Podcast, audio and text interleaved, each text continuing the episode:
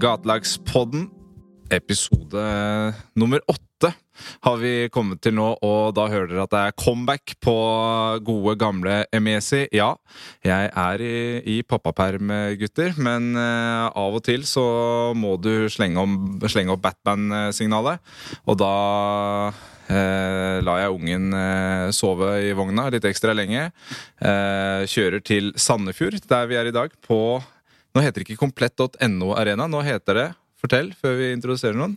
Release Arena heter det Da, Da kjører vi til Release Arena, og da eh, tar vi en eh, prat med to eh, gatelagslegender. Jeg føler kanskje at vi bruker eh, ordet legende veldig mye, men dere to er jo litt eh, gatelagslegender. Og med meg i dag har jeg Marco, som har vært på gatelaget siden 2015, kan det stemme?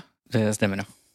Fordi jeg har uh, gjort uh, litt grann research, og så har jeg selvfølgelig Morten Vestli, Rocke-Morten. Uh, Morten Rockefot. Så Når jeg har lagt deg inn på hoteller av og til, så har jeg bare lagt inn det som uh, mellomnavn. Vestli, som du har jo vært der omtrent like lenge, har du ikke det? Jo, fire. Ja. Fire år. Fire år, ja. Mm. Ja, men det er bra. Og nei, jeg har ikke eh, dattera mi med meg. Jeg jobber jo faktisk eh, 20% gutter, så dette er dagen jeg jobber. Og da er det helt konge, da. Den ene dagen at jeg får komme meg ut her. Det er jo, det har vi sagt eh, i noen eh, episoder tidligere, dette er jo det morsomste. Å komme seg ut av kontoret og ut der det skjer. Og det har jo ikke vært veldig mye eh, besøk ute hos eh, klubber enda. Men nå ser det ut som at det ordner seg litt. Har det, dere, det har vært publikum her på stadion nå? Det har det. Hvor mange har dere har nå? 600 er det vel? Fullt trøkk, da. Det er jo det er jo så mange som det pleier å være her, det. Hæ? Det er ikke mange flere ute på den stadion her. Nå skal ikke vi, vi skal ikke bruke den podcast-episoden til å prate ned publikum og sånt, men jeg har vært på en kamp her før, Marco. Og hvis det var 400 her, så var det jeg tror, tror til og med det var årsbest, det. Ja, det, det kan ikke være langt, langt unna, for å si det sånn. Nei. Men Det du, eh, det veit du, fordi at du jobber jo i Sandefjord nå. Kan ikke du fortelle litt om hva du gjør her? Jeg er eh, materialforvalter sammen med en annen på A-laget. Ja. Eh, og så er jeg utstyrsansvarlig for eh, resten av laga. Da. Ok, for, og, Hvor mange andre lag er det? Det er gutter 19, eh, gutter 16, eh, damelaget og da gatelaget. Så du holder utstyret til alle? Hva, men hva betyr det? At du må vaske og holde orden og styre? Ja, pakke for de når de skal på kamper. eh, Bestille ting hvis de trenger det Oi. til treninger. Oi.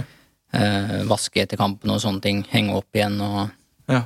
sørge for at vi har det de, tre de trenger, egentlig. ja. Fire lag? Det er, eh, er du med på kampene til alle sammen eller? Eh, nei, bare A-laget foreløpig. Ja. Eh, og så er jeg med hvis jeg har mulighet og tid på de andre kampene. Da. Ja, riktig. Jeg er jo veldig glad i fotball, så da blir det jo noen kamper og dager Det opp her. så jeg nå rett før vi begynte å spille inn her, for da gikk du ut med et sånt uh, skjema fra forbundet i forbindelse med kampen mot uh, Rosenborg. Var det ikke det? Der eh, navnet ditt eh, sto, og tenkte jeg nå skryter han av at han har navnet sitt på den blekka, men det var jo ikke det. Det var jo det at de hadde brukt mellomnavnet ditt, eller, eller, eller kunstnernavnet ditt, eller hva jeg skal kalle det. For at på Facebook så heter du Marco Hazard. Stemmer. Eh, og det trodde jo jeg at du het lenge, men det gjør det jo ikke. Men, det har jo, men i og med at det, det sier jo litt om fotballinteressen din, for det er vel sikkert Eden som er eh, eh, Jeg vet ikke om det er forbilde, eller om det er Det er både forbilde og beste spilleren i, i mine øyne, egentlig. Ja. Eh, ja. Vi eh, Jeg har jo møtt dere litt før i forbindelse med ikke bare med gatelaget, men dere har jo også vært med litt rundt når vi har prata på Stortinget.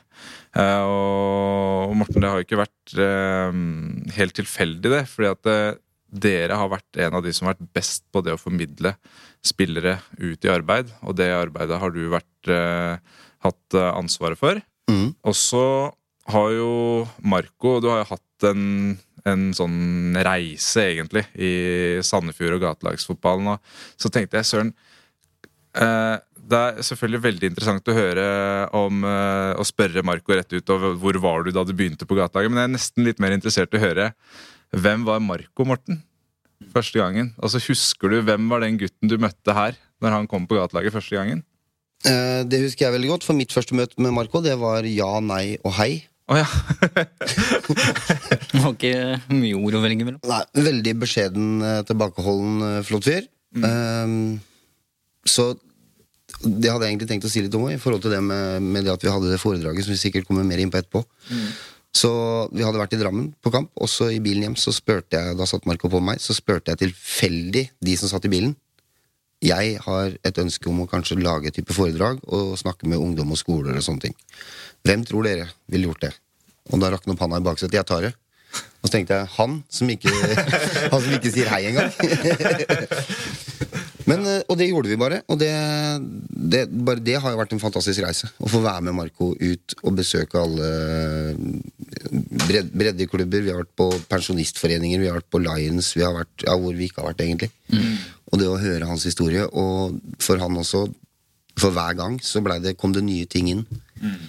Mye av det er sikkert, i hvert fall sånn som jeg opplevde, som du har gjemt litt innerst i det bakre, som du ikke har tatt fram. Og så, når du snakker om en ting, så plutselig dukker den linken opp, og så kommer det allikevel. Så det, er- hver gang så var det en ny ting som gjorde at jeg ble sånn wow. Du får ta åpningssporet ditt, holdt jeg på å si. Det, ehm, det er en episode hvor, ehm, hvor jeg går på barneskolen. Eh, jeg er jo vokst opp med mye vold og sånn hjemme. Og så er det en dag hvor jeg kommer hjem fra skolen. Eh, mora mi sitter på trappa uh, utafor leiligheten og sånn. Eh, masse blod i ansiktet, blåmerker fra tidligere, og sikkert da. Eh, sitter og gråter og liksom er helt fra seg, da. Ehm, og jeg spør jo om ikke vi kan eh, ringe politiet eller ringe hvem som helst på møtet og få litt hjelp.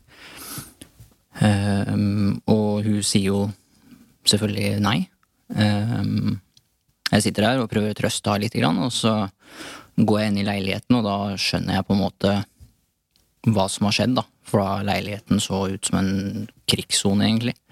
Ting var knust og hivet rundt og hele pakka. Uh, og det Det var eh, en kjip episode for meg, sånn sett. Mm. I tillegg til mange andre, men akkurat den Det var liksom så Hele dagen var på en måte så uskyldig. da Jeg har akkurat vært på skolen, og så kommer du hjem til, til noe sånt. Så det er på en måte det jeg åpner med, da, som jeg håper på en måte er det som skal gjøre at de følger med resten av den kjedelige historien. Du fikk meg til å følge med, i hvert fall. Det, ja. Jeg har jo hørt det, jeg òg. Og det er jo en utrolig historie. Og for de som ikke kjenner det da, så eh, kom du eh, jeg- mener jeg har lest det, og jeg har hørt deg si det òg. Du så en plakat om at det var et gatelag i Sandefjord. Mm.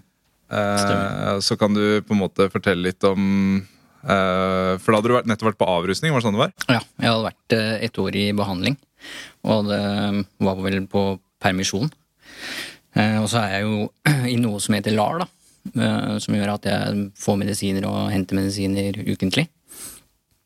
Eh, Og det var på en av de turene der da, hvor jeg så plakaten om, om gatelaget. Ja. Og det var jeg var, jeg var litt sånn skeptisk til å begynne med, for å være helt ærlig. Ja, Hvorfor det? Nei, altså Litt som jeg pleier å si på de foredragene, at jeg så for meg en gjeng med heroinister som skulle prøve å spille fotball. Og det, det, jeg skjønte sjøl at det ikke kom til å funke. Nei. Eh, Men så snakka jeg med ruskonsulenten min, og han var eh, litt mer positiv enn det jeg var. Og sa at vi, det her må vi prøve, i og med at du er fotballinteressert. Um, så da ringte vi da til jeg husker ikke om det var Petter eller Roger. Ja. Veldig imøtekommende og greier, og kom på den første treninga. og var absolutt ikke elleve heroinister som var bånn steine som, som skulle spille fotball, heldigvis. Nei. Hadde du spilt fotball før, eller, Merka? Eh, ja, det hadde jeg. Eh, jeg spilte i Tønsberg da jeg var yngre. Er det der du er fra? Ja. Oh, ja. Eh, opprinnelig fra Irak. Ja. Eh, og så kom foreldra mine til Norge i 94. ja. Så du er født i Irak, du? Ja. Riktig. Jeg var vel en tre-fire-fem år gammel når jeg kom hit. Ah, ok. Eh, når slutta du Altså, Grunnen til at du slutta med fotball, hadde det noe med utfordringer utenfor å gjøre, eller? Eh, ja Altså, det var en sammensetning av rusmidler og andre utfordringer, Ja. kan man si. Ja. Eh, både på hjemmebane og, eh, og i forhold til rusen, som sagt. Mm. Eh, jeg fikk eh, sjelden lov til å ha så mye fritidshobbyer eh, og ting å gjøre, da. Eh, så det var liksom Jeg begynte å bli sliten av å hele tida måtte bruke time og halvannen på å trygle foreldra mine om å få lov til å dra på fotballtrening. Ja, så da blei det mye mindre og mindre, og rusen bidro til at det miljøet var mer spennende enn fotballen. Men øh, fordi du sier at øh, altså var, du hadde det veldig strengt hjemme, at det var vanskelig å komme seg ut. Men hvor, hvor er det du finner tid til å drive med rus da? Eh, Det var jo de Hva skal jeg si, da? De få mulighetene jeg hadde til å komme meg ut. Det blei til at det den tida gikk til rusmidler. Begynte du tidlig? Ja, jeg prøvde vel første gang i slutten av syvende klasse. Oi. Mm, Da røyka jeg vel hasj eh, første gangen. eh, Og spiste katt Mm. hjemme hos en venn som da hadde det her til dessert. Ja, da hadde det, Ok. Ja. Eh, Det er Noen kulturer som ja, brukte det, da. Ja. si det sånn. riktig. Uh, vi får bærene, og så tar vi litt katt. Uh, så tar jeg sånn. altså, det, er, men det er jo sånn du på en måte forklarer det, men det er ikke, det er ikke bra, det heller, selvfølgelig. Nei, det er Det nei. Uh, ok, så det var sy eh, sjuende. Eh, det er tidlig, ass. Ja, det, det er det. Ja. Um, Og da starter den karrieren med, med rus. Eh, og hvor lenge varte den? den varte fram til 2014-2015. Faktisk. 2014 blir det. Ja. Mm. Jeg er veldig dårlig på å huske sånn akkurat alder og hvor gammel Ja, jeg var når så ting skjedde, da. Ja. Eh, sånn sett. Men, eh, men det varte jo fram til jeg gikk inn i, inn i behandling eh, rett før jeg begynte på gatelaget. gatelaget da. Ja. Jeg leste, Det var en artikkel jeg leste eh, i dag, faktisk. Eh, da du sier det at du hadde to valg, og det var enten å ta livet ditt Mm. eller å finne på noe annet. Hvor mørkt er det da, når det er det eneste valget som du opplever å ha? Da, er, da er det så mørkt som det kan få blitt, egentlig. Ja. Og det var også Jeg hadde jo prøvd å ta livet mitt sånn mm, jevnt og trutt, kan man si. Opp gjennom den ruskarrieren òg. Men på det tidspunktet så var det da, da hadde jeg absolutt ingenting. Um, Ikke noe familie, ikke noe, ikke noe venner, ikke noe leilighet, ikke noe sted å bo. Alt var, Jeg var på vei inn i fengsel, og alt var liksom helt mørkt. Skyldte masse penger og Du hadde hatt du har, du har hatt flere fengselsopphold, har du ikke det? eh, ett Å oh ja, unnskyld. Jeg trodde Skal ikke jeg eh, For jeg mente Jeg hadde hørt det. Nei, for at, men der hadde du klart å liksom holde deg rusfri og den type ting. Og, så det, og grunnen til at jeg spør, vet du, er at vi har jo og, og du også, Morten, dere har jo et veldig bra samarbeid med kriminalomsorgen. Eh, og nå har vi fått det til litt sånn sentralt òg, da vi prøver å få i gang eh, noen prosjekter. Og i korte trekk så prøver vi å gå inn i fengsler og begynne å rekruttere spillere derfra.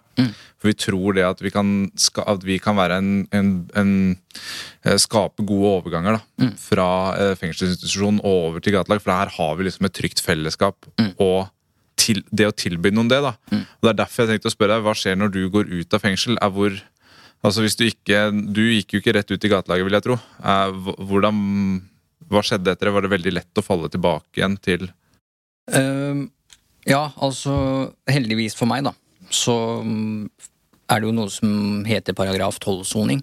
Ja. Så du kan jo søke om å eh, sone ferdig behandling. Ja. Eh, og det var tilfellet med meg. Ehm, jeg var vel der i, i fengsel i tre måneder, og så ble jeg sendt videre til, til rehabilitering, da. Eh, så sånn sett så slapp jeg den, det å komme ut i ingenting og, og falle helt vekk. Men man kan jo, hvis du tenker deg å komme ut fra behandling, så blir jo det litt det samme. Eh, og gangen før hvor jeg hadde vært i behandling, så kom jeg ut i absolutt ingenting. Hva skjer da? Da havner du rett utpå igjen, egentlig. Du gjør det? Ja. Og det er eh, Det tror jeg Det skal veldig, veldig mye til. Da skal du ha snille foreldre som lar deg bo hjemme og la deg bygge deg opp igjen, Ja. eh, på en måte. Eh, det, det tror jeg må til, men hvis ikke du har det heller, så, så går det ikke. Det er også den der prosent Det jeg tenker på, den der prosentandelen på de som slipper ut, og som kommer inn igjen bare noen måneder etterpå, Ja, den er ganske brutalt høy. altså ja jeg tror det. Og det å kunne da ha noe å gå til med en gang, det tror jeg er alfa og mega, for det, det, ja, det er dritviktig. Det er en overgang. Det er, akkur det er akkurat som du sier. Enten det er fengsel eller en annen også, eh, rusbehandling. Det, er nesten, det blir nesten det samme. Altså, hvis du, enten om du kommer fra spesialisthelsetjenesten eller kriminalomsorgen, og hva det, det, det nå måtte være, så er det det derre Jeg tror ikke jeg tror liksom ikke at vi har ressurser nok eh, ute jeg vet ikke, i kommunen eller hvor det måtte være, til å fange opp. da. Eh, fordi at dette her er jo et problem man prater om liksom overalt. da. Og så jeg synes Noe av det tankesettet rundt fra dem sin side, ikke nødvendigvis kriminalomsorgen, men behandling også, er Jeg synes det er litt trått, fordi vi har et eksempel hos oss som da hadde vært uh, inne til full utredning for underliggende diagnoser. For å kanskje da finne en form for medisin da, som ville gjort hverdagen enklere. Og var der i tre måneder, og det gikk fint.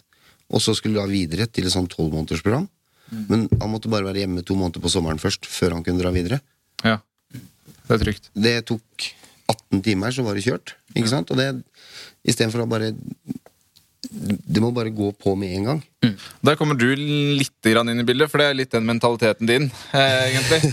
For du har jo Vi skryter jo veldig av, eh, og, med god grunn, liksom, eh, over antall spillere som kommer, finner altså veien tilbake til jobb eller skole hvert år på gatelagene. Og, Sandefjord har vært en av de fremste på akkurat det arbeidet, og det har jo på en måte du vært litt sånn frontmann for, Morten.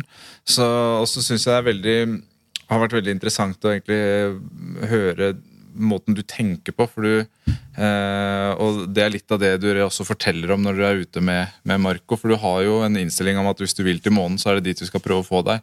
Har jeg egentlig oppfattet? Kan ikke du si litt om, om det? Jo, altså Mye av det handler nok om at jeg i bånn sjøl har en ganske sterk grad av ADHD. Eh, jeg vet også sjøl at jeg har ganske mye begrensninger for hva jeg sjøl kunne jobba med. Eh, og så har vi også Det er veldig viktig å ha med Roger og Petter også på dette, altså, for den trioen som vi har vært hele tida rundt alt det vi har gjort, har vært, eh, den har vært kruttsterk. Eh, og kan, de kan godt komme og si at de har lyst til å prøve å jobbe, men da bruker jeg veldig lang tid på å finne ut hva er det du egentlig har lyst til å jobbe med. Hva er det du vet du kan trives med, hva er det du vet du kan mestre. For det, og det gjelder meg sjøl også. Jeg kunne aldri satt meg i kassa på Kiwi. For hadde jeg gjort det, så hadde det første jeg hadde gjort, var å finne den ledningen som lager den pipelyden. For å få flekka ut den. Og så hadde jeg sikkert gått etter en halvtime. Ja. Og det vet jeg at det er, det er ganske underliggende for de fleste av dem også. Eh, og så har vi gjort sånn eh, som vi hadde med Marco også, eh, ansvarsgruppe.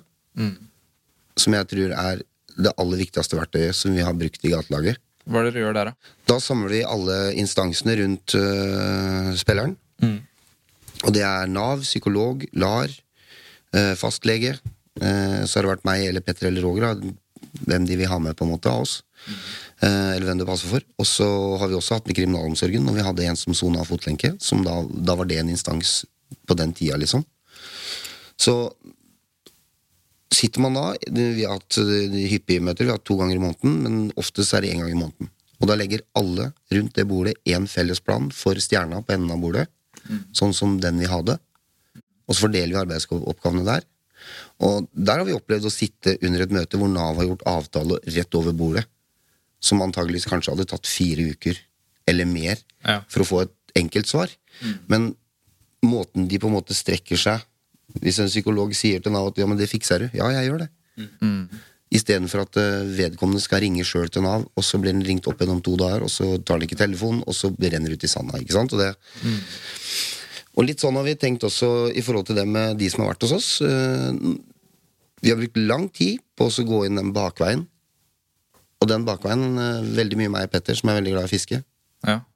har hatt med folk ut og fiske. Mm. Og når du sitter på svaberget og tar en kaffeskvett og hører på bølgene og bare prater litt skit, om jeg kan si det, Ja. Så kom, da finner du den bakveien. For da kommer de andre tinga som ikke de snakker om på feltet. Mm. Og så har vi løst det på den måten. På en måte. Veldig mye. Og så har vi et lite slagord, og det er 'alt håp er ute'. Ja, ja, alt sånn, ja. Alt oppe. Når du sier det, så skylder jeg deg en fisketur. Ja, du gjør det. Ja, jeg har sagt ja tre-fire ganger. Hver, altså, Marco, jeg tuller ikke. Hver gang Nei, det er litt kaldt. Ja, men Selim, da kommer fisken fram, vet du. Driver han og sier sånn.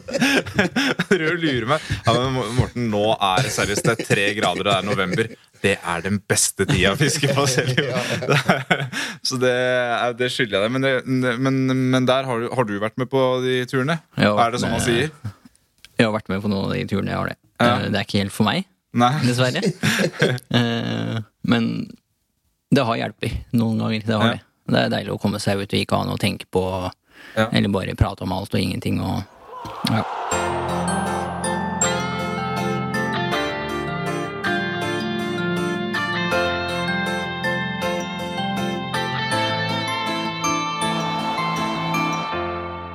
Hva er det som gjorde at gatelaget ble redninga for deg? Ja? Det er mange, mange faktorer der, ja. Men uh, det er den tilhørigheta. At du, du hører til et sted. Uh, hvis ikke du kommer på trening, så er du på en måte savna lite grann. Um, og så er det nettverket rundt. Uh, når jeg kom ut av behandling, så husker jeg at de sa at uh, nettverk er veldig viktig. Det må du skaffe deg. Og jeg bare Nei, nei, det jeg skal, ikke, jeg skal ikke snakke med noen, jeg. Jeg skal bare bo aleine i mitt eget hjem og dra på jobb og ikke ha noe fritid og ikke noe kontakt med mennesker. Nei. Hvorfor det? Hvorfor syns du at det var viktig for deg? På det tidspunktet så hadde jeg dårlig erfaring med mennesker. Ja. På et tidspunkt så mista jeg troa på menneskeheten, rett og slett.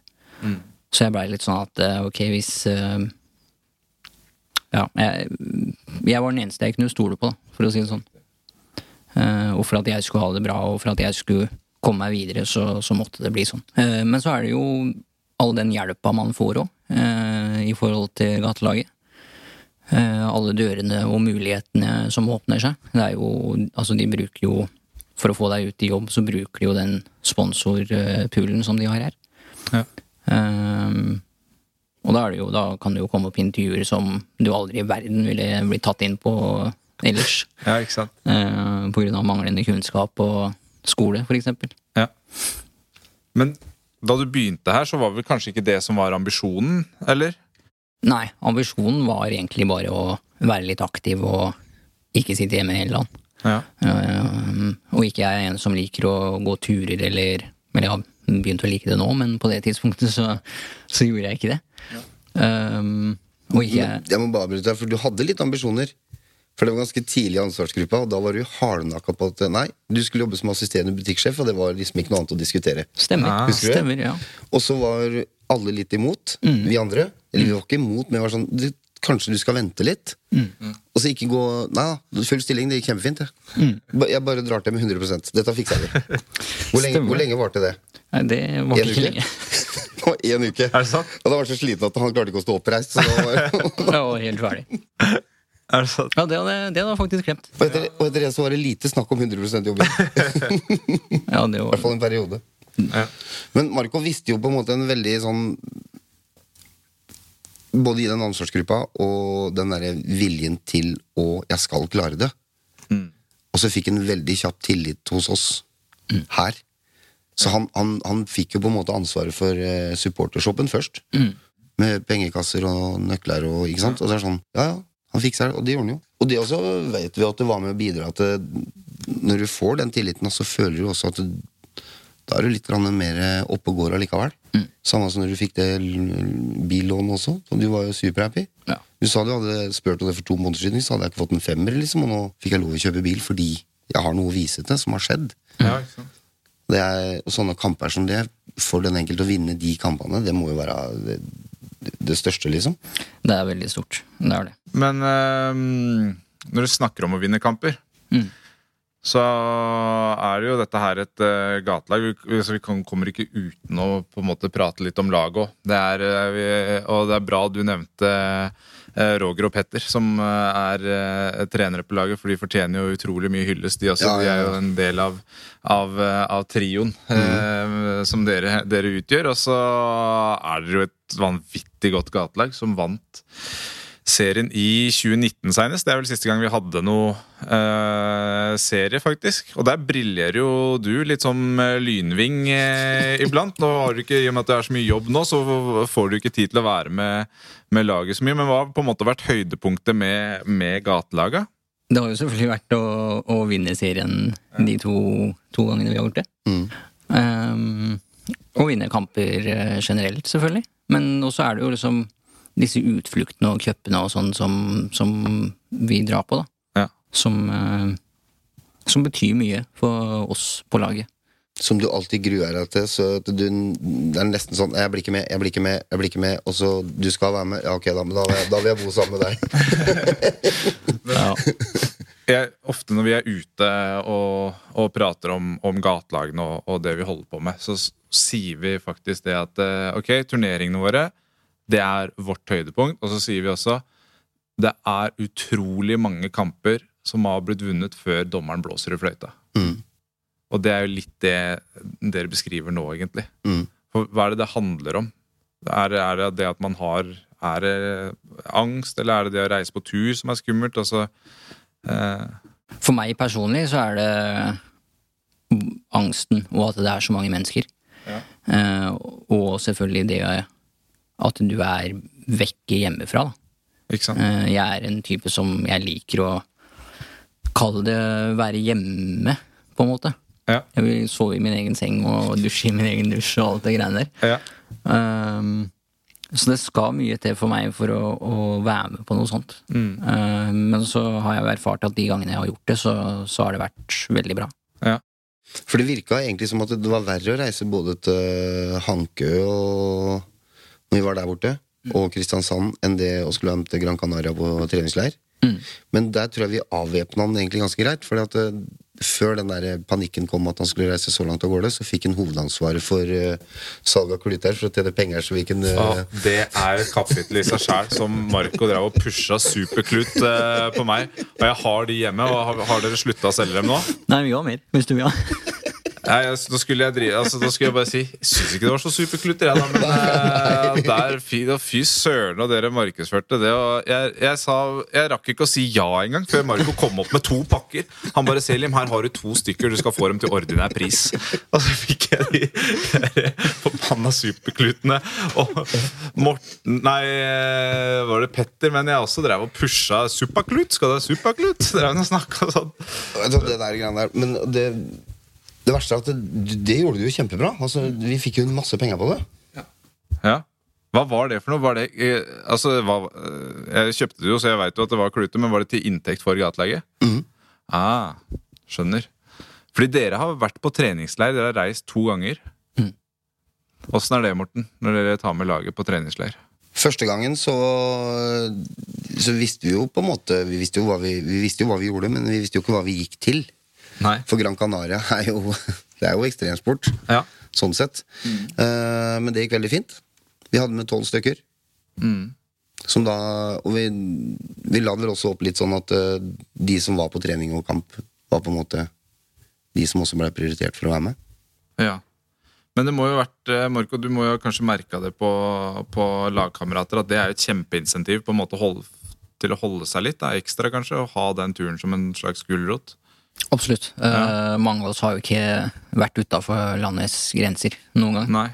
Uh, så det var veldig stort når vi fikk vite at vi fikk lov til å være med på noe sånt. Ja. Uh, så det gjør jo selvfølgelig at du tenker at selvfølgelig skal jeg vise at, at dere kan stole på meg, og at dere kan ta meg med på en sånn tur. Mm.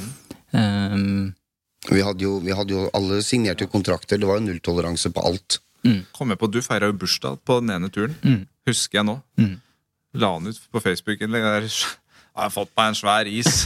Alltid når Marco skriver, så alt jævla bra. Den var jævla god. Den var fin, den.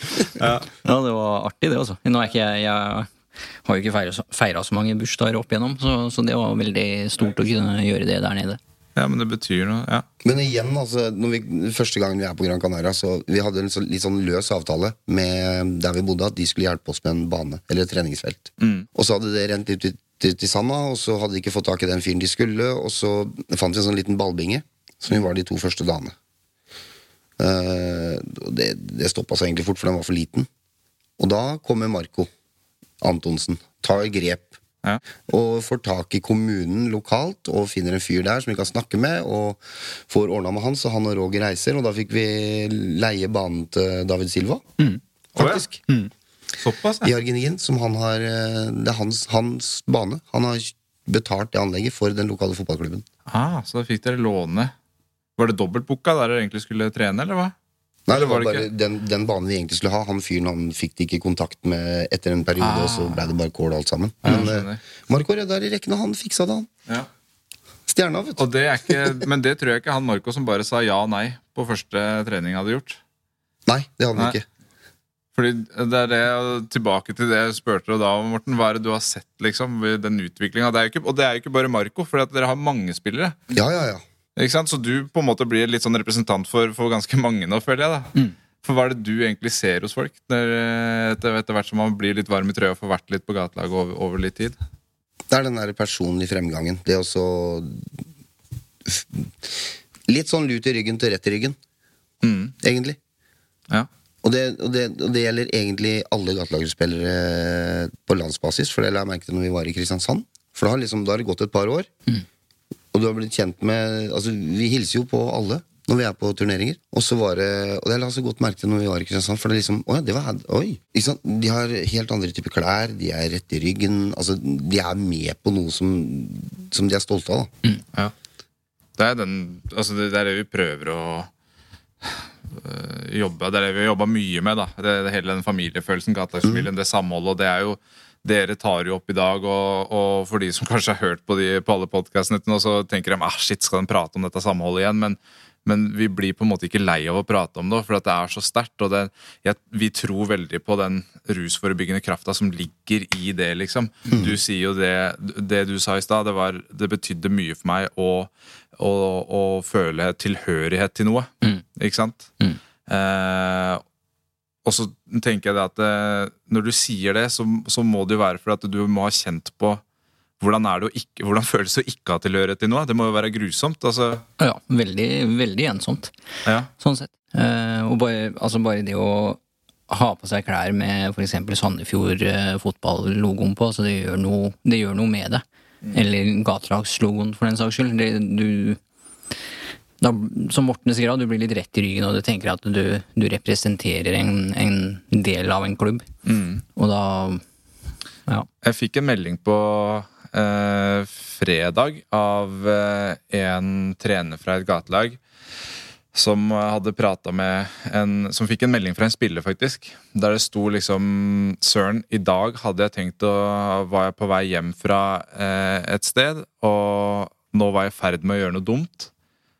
Men så kom jeg på at jeg har på meg eh, den genseren her, og så hadde han på seg liksom genseren til klubben. Og det, da skjønte jeg liksom at eh, Ja, det holdt meg fra å, å ta de dumme valga i dag. For da, ikke sant? Og det, det er den krafta vi prater om, da. Det er helt nydelig. Ja, Ja, det er kjempebra. ja, ja. ja. Det Og det husker jeg, Da hadde jeg vært i gatelaget i ett år, og så hadde vi da skrevet den Vi har jo vår egen fotballsang for vårt gatelag. Og, og så skulle klubben ha kickoff, Mm. og så blei vi da invitert til å være med på det.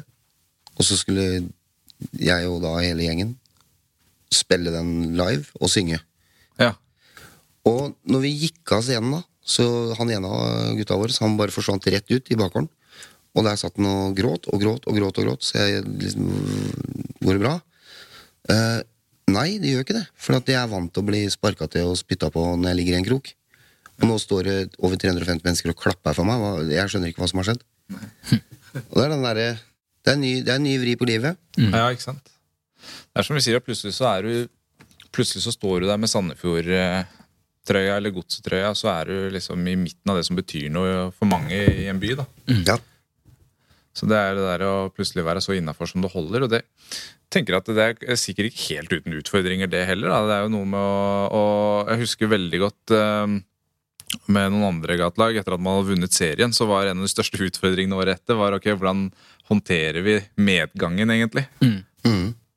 Plutselig så var det elleve Edna Sardur ute på banen, ikke sant? Men det er jo noe med det òg, da. At det, det er, det er en utfordring i seg sjæl.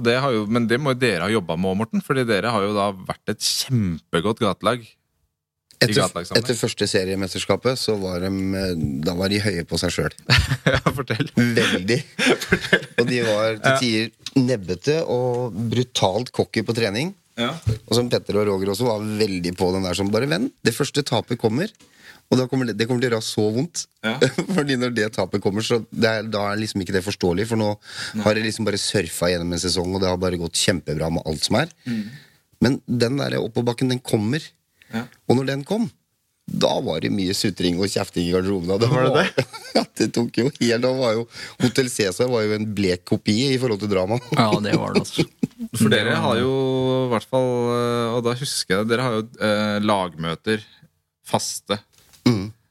Og det var kanskje litt sånn etter Ja. For dere gikk jo gjennom, jeg husker det når du sier det, en periode der det var mye kjefting, og ting gikk ikke helt på skinner og Mm. Nei. Men er ikke det alt Det gjelder jo, det gjelder jo all type fotball, det. Ja, det Sesongen etter et seriemesterskap, den er jo ja. Forventningene er store, ikke sant? Du forventer, mer, du forventer kanskje mye av deg sjøl òg. Mm. Og så har du en dårlig dag, så får du kladda litt, og så Nei, det var mye greier. Men det var men det tenker jeg også var veldig god læring, jeg. Ja. Fordi vi snudde jo en år etter det, og, og Da var vi liksom litt tilbake, men det året etter første seriemesterskapet, da Da forventa dere mye av dere sjøl. Vi gjorde det, altså. Vi gjorde det. Så det er godt å kjenne på både medgang og motgang, sånn sett. Nå er jo du på en måte eh, Nå er det en stund siden du har fått vært med, er det ikke det? Eh, og det er jo positivt, for da har vi brukt uh, Vi snakker jo mye om overgangsmarkedet vårt som alltid er åpent. Nå har du på en måte meldt uh, helt eh, overgang, men du er jo fortsatt i, i, i klubben. og Savner du liksom å få vært med litt på trening, og, eller får du vært med noe i det hele tatt rundt gjengen? Eh, Jeg savner å være med på treninger, jeg gjør det. Ja. Um, og så har jeg jo vært der nede noen ganger nå i det siste og hilst på og sånne ting, men under koronagreiene så måtte jeg holde meg helt unna. Ja. Um, på grunn av det å ikke blande kohorter og sånne ting. ja.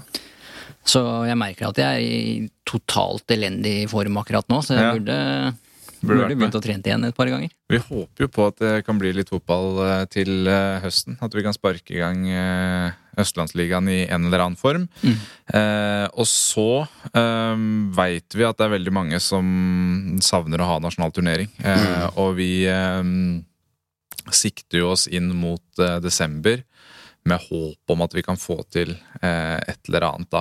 Vi, eh, i, i, I oktober i fjor så booka jo vi, jeg vet ikke om, eh, om vi har sagt det før, men eh, der kommer i hvert fall en eh, innrømmelse. Vi booka jo Telenor Arena for mars 2021. Og skulle egentlig booke det for eh, i januar 2021, så tenkte jeg nei, vi, nå skal vi være helt sikre. Vi tar i mars 21. og så kommer Arne og jeg på jobb i januar, en av de første dagene i januar, så bare tror vi må sende melding til de folka på Telenor og si at dette her går ikke, for vi var jo helt sjanseløse.